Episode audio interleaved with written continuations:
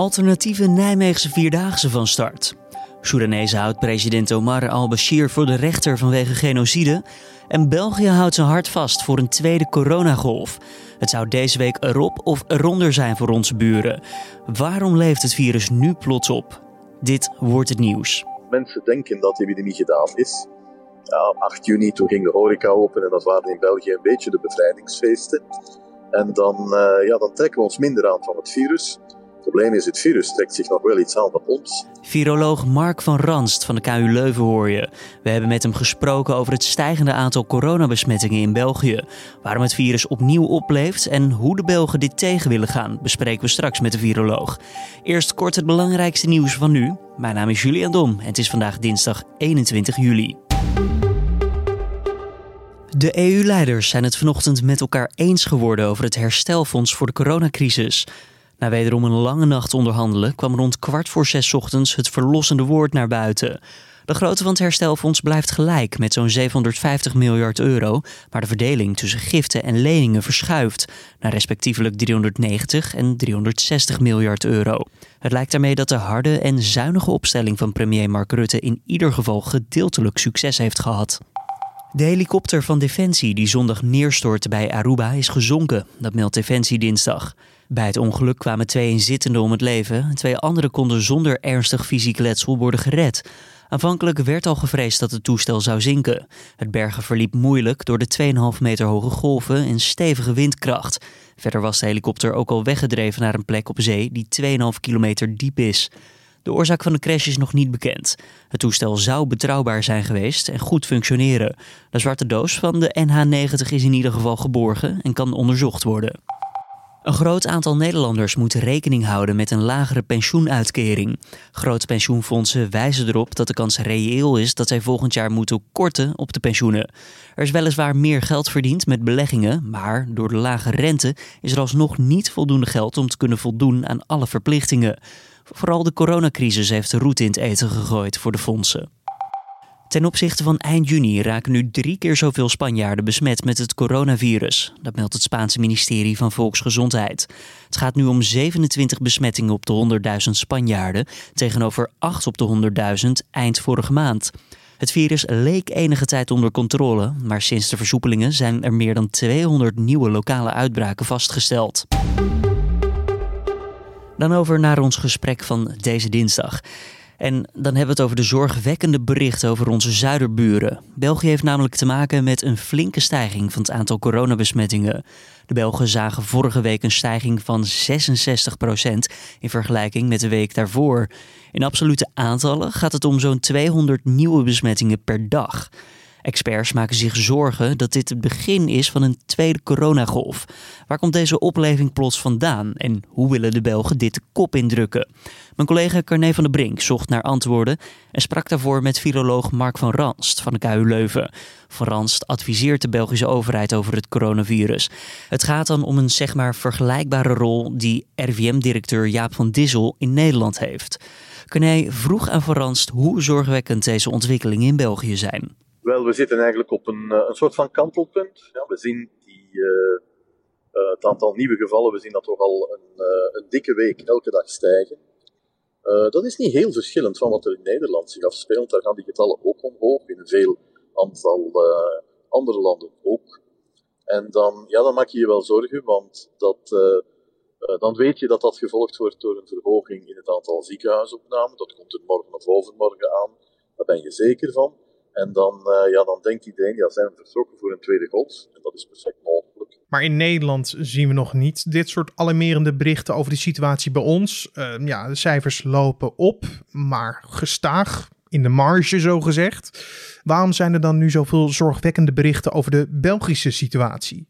In België zitten we toch ongeveer aan een 200-tal nieuwe gevallen per dag die erbij komen.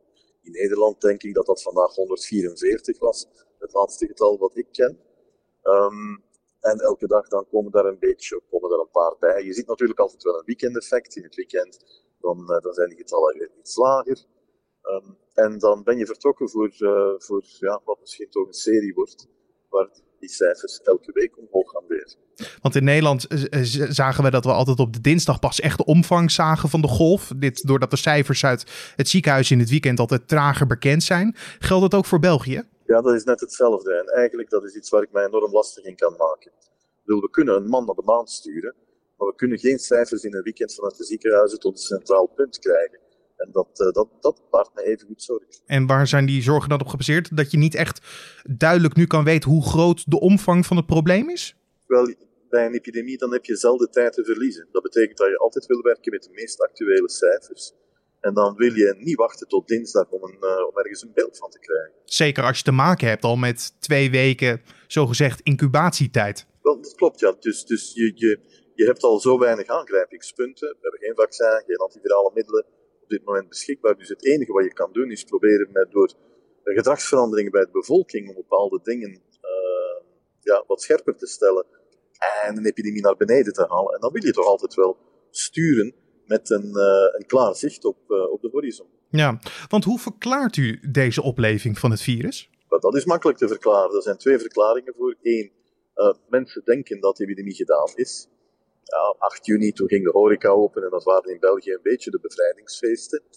En dan, ja, dan trekken we ons minder aan van het virus. Het probleem is, het virus trekt zich nog wel iets aan van ons. En dan, dan krijg je een verhoging van het aantal getallen. Dus meer mensen zien elkaar en dat is nu juist wat het virus nodig heeft. Natuurlijk, een tweede factor is het, uh, het reizen, de vakanties. Mensen gaan op vakantie, uh, zien weer andere mensen daar, gaan vaak feesten en dan, uh, ja, dan verhoog je ook de kans op overdracht van het virus. Maar u zegt ja, op het moment dat er versoepelingen waren, dat, dat voelde als een soort bevrijdingsfeest. Merkt u dat nu ook uw mede-Belgen dan ook de regels een stuk minder serieus nemen? dat merk je overal, ja. Dat merk je in het straatbeeld. Uh, daarom dat we een, uh, een, paar weken geleden er hard voor moeten duwen, dat we dan uh, het masker dragen in de winkels toch weer terug, of toch ingevoerd hebben. Dat, dat is een kleine moeite, maar, maar ook een heel visibel signaal van, oh, dit is nog niet gedaan.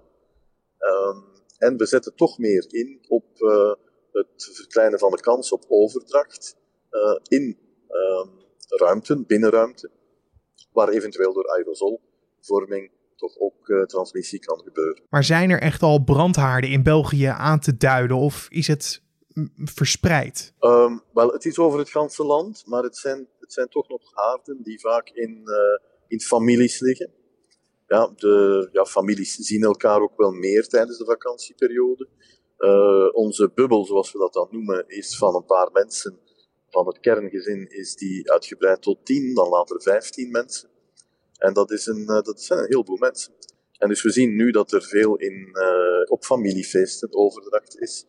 Um, maar ook bij terugkeerders, mensen met een dubbele nationaliteit, die toch naar Turkije of, uh, of Israël zijn gereisd en dan terugkomen en niet in quarantaine gaan, daar zien we toch ook wel wat outbreaks. En dan een aantal andere outbreaks waar we nog geen idee van hebben van, van wat de origine is. En zien we dat eigenlijk al terug ook in de ziekenhuiscijfers en de eventuele IC-opnames? Nog niet, maar dat komt ervan. Um, dat is kwestie van morgen of overmorgen en dan, uh, dan gaan ook die cijfers de hoogte in. Want op Twitter moest u die boodschap ook echt verdedigen. Hè? Van jongens, hou rekening mee, dit komt er sowieso aan. Ja, ik hoorde te vaak uh, zeggen van, oh, zolang de ziekenhuisopnames niet, omlaag, pardon, niet omhoog gaan, dan, uh, dan hoeven we ons hier niet te veel van aan te trekken. Nou, dat is goed fout. Um, dat, uh, die twee cijfers, spijtig genoeg, volgen elkaar. En uh, daar gaan niet veel dagen meer over gaan. En afgelopen zondag kwam het Belgische overlegscomité samen, uh, waaronder dus de premier en andere ministers. De vraag was, gaan ze eventueel versoepelingen weer terugdraaien? Alleen daar hebben ze niet voor gekozen. Waar kwamen ze dan wel mee? Wel, het, uh, het was een beetje een mentaliteitswijziging. De vergadering ervoor ging eigenlijk over, gaan we verdere versoepelingen doen of stoppen? Uiteindelijk heeft men niks gedaan. En deze vergadering heeft men ook niks gedaan of niks beslist, maar uh, daar ging het toch over, gaan we het zo houden of gaan we terug verstengen? Dus dat, uh, men heeft toch wel de, de horizon een beetje bijgesteld. En ze hebben gezegd, we gaan beter handhaven op de regels ja. die er nu zijn, de maatregelen die er nu liggen.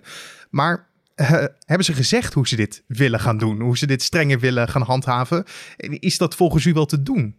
Het is moeilijk om het niet te doen. Ja, want wanneer je het niet doet, dan, dan, ja, dan ga je bijna in een volgende fase mensen straffen die geweldig goed hun best hebben gedaan. Ehm, dus je hoort diegenen die de regels niet volgen toch wel op hun, op hun plichten te wijzen. En, en eventueel, wanneer het fout gaat, hen te beboeten. Mm dat, want anders dan, ja, wanneer je een maatregel neemt en er is geen handhaving, dan, dan kan je er ook niet lang mee aan de slag. Maar ik hoor bij u tussen de regels door dat dit niet alleen een uh, prioriteit moet zijn voor de handhavers, maar ook gewoon voor, voor je medeburger. Ja, absoluut. Ja. Men, men moet tellen op burgerzin. En eigenlijk is dat het enige wat we hebben. Dat is het enige wapen wat we hebben. Ja, zorgen dat, uh, dat mensen hun gedrag dusdanig veranderen. En dat hebben ze natuurlijk al in, in, in hele grote mate gedaan tijdens die eerste lockdown. Um, en blijven we nog altijd wel doen, zodanig dat dat virus minder kansen krijgt. Maar het feit dat het dus nu dan minder serieus wordt genomen, het heeft vele redenen, maar kan het ook misschien liggen aan het feit dat uh, de maatregelen voor sommige Belgen dan niet duidelijk genoeg zijn? Uh, verschillen die heel erg van die wij hier in Nederland hebben? Bijvoorbeeld het bubbelsysteem, is dat niet duidelijk genoeg? Ja, dat is geweldig duidelijk en, en uh, dat kan nooit als excuus worden ingeroepen. Even voor de duidelijke bubbelsysteem is dat je met tien mensen één week samen mag komen. En dan uh, dat iemand eruit gaat en dan weer bij een andere bubbel mag komen. Hè? Dat je je eigen sociale kring uh, organiseert. Ja, dat je eigenlijk gewoon minder mensen ziet en, en dat toch enigszins beperkt. Uh, er is niemand in België die kan zeggen van, oh, dit begrijp ik niet. We hebben op een paar maanden tijd, eigenlijk door 24-7 berichtgeving daarover, van onze bevolking 11 miljoen virologen gemaakt. Dat heeft voordelen, ik kan ik ook garanderen, dat heeft ook nadelen. En een andere sleutel tot het terugdraaien van de stijgende lijnen is een goed werkend contactonderzoek. Uh, daar schort het ook aan in België. Wel, dat uh, is een systeem wat we in België nooit deftig hebben gehad. We hadden wel gezondheidsinspecteurs en die hadden een paar mensen in dienst. Maar dat was nooit, daar werd nooit in geïnvesteerd. Dus de laatste decennia, dat heeft men daar nooit in geïnvesteerd. Dus dat draaide nooit geweldig goed. Uh, dat ja, draaide wel om HIV-gevallen en tuberculosegevallen. En de basale routine die kon je daarmee doen, maar die, dat, die waren absoluut niet voorbereid op een, uh, op een, een, wat grotere epidemie dan staan een pandemie. Dus dat, uh, dat moet je dan opbouwen en dan word je geconfronteerd met een heleboel kinderziekten. En dat komt te traag op gang. En uh, ja, dan, dan verlies je een van de wapens die je nodig hebt om die versoepelingen te kunnen doen. Eigenlijk was een, goede, een goed traceersysteem um, was dat een voorwaarde om die versoepelingen te kunnen doen. Nou, die versoepelingen zijn er gekomen, maar uh, dat performante systeem om contact tracing te doen, dat is er nog steeds niet en dat baart ons grote zorgen. En ik las ook dat een van de redenen die je aan kan duiden waarom het nog niet werkt zoals het moet werken, is omdat België verdeeld is vanuit Vlaanderen, maar ook Wallonië. Nee, u moet u voorstellen, in ons land hebben wij negen ministers van volksgezondheid. Ja, negen. Uh, dus dat, dat krijg je aan niemand uitgelegd, dus ik ga het ook niet proberen. Nee. Uh, maar dat maakt natuurlijk elke beslissing zoveel moeilijker. Er moet zoveel afgetoetst worden en dat is een, uh, ja, een soort van verlamming van het systeem. En gemeentes en praktijken richten nu zelf contactonderzoeken op. Is dat iets wat u aanmoedigt? Ja, dat is ook heel normaal.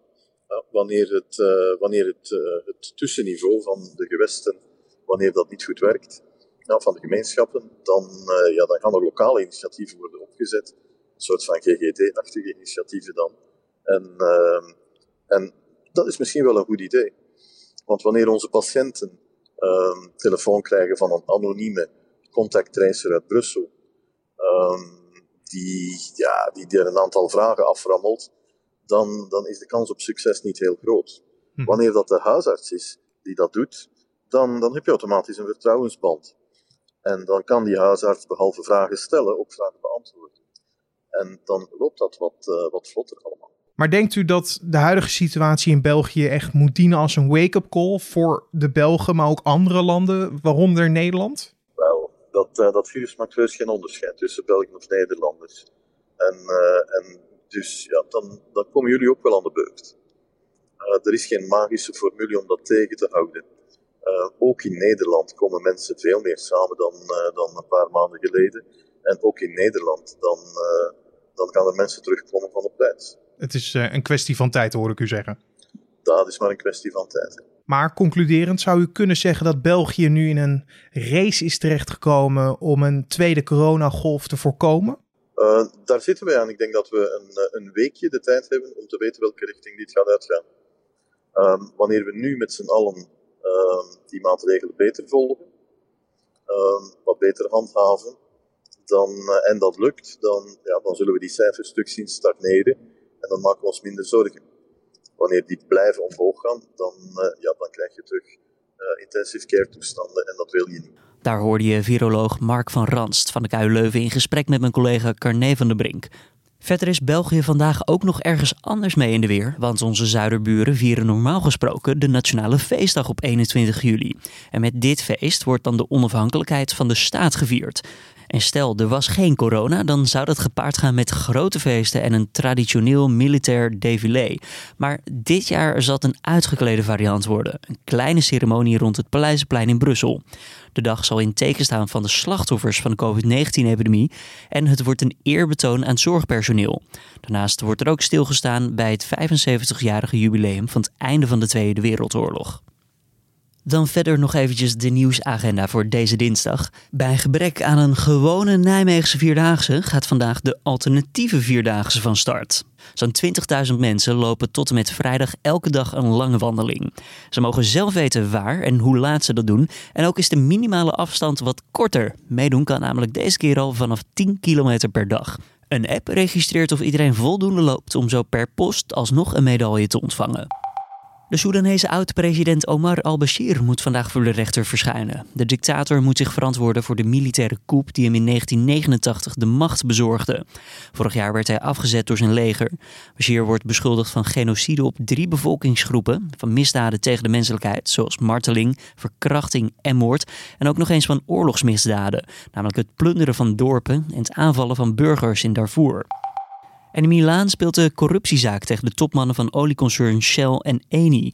Het proces draait om de vraag of bestuurders van de oliebedrijven steekpenningen hebben betaald om de rechten voor een groot olieveld in Nigeria binnen te halen. Dan nog eventjes het weerbericht. Het is deze dinsdag bewolkt, maar in de grootste delen van het land blijft het wel gewoon droog. In het noorden kan af en toe een bui vallen en er waait een zwakke tot matige noordwestenwind. De temperatuur die stijgt naar zo'n 18 tot 23 graden. Door een overval op het distributiecentrum van bol.com worden tienduizenden pakketjes mogelijk later bezorgd. Zondagochtend vielen enkele overvallers het grootste distributiecentrum van bol.com binnen. Het is niet bekendgemaakt wat de daders hebben uitgemaakt. Een woordvoerder van de webshop laat weten dat er sinds maandag hard wordt gewerkt om de opgelopen schade in te halen. En dit was dan de Dit Wordt Het Nieuws ochtendpodcast van deze dinsdag 21 juli. Tips of feedback? Stuur het naar ons toe via podcast.nu.nl. En ik zou willen zeggen, luister ook eens naar andere podcasts van nu.nl. Zo hebben we de Boordradio. Daar hebben we gisteren een nieuwe aflevering van gepubliceerd... waarin we de race en tweede plek van Max Verstappen bespreken. En op elke vrijdag publiceren we de Week van Nu Tech... Een podcast waarin we wat dieper duiken in de achtergrond op het nieuws van tech. Ik wens je voor nu in ieder geval een hele fijne dinsdag. Mijn naam is Julian Dom. Vanmiddag is mijn collega Carne van der Brinker met de middageditie van deze podcast. En ik zou willen zeggen, nu eerst een espresso en verder een hele mooie dag gewenst.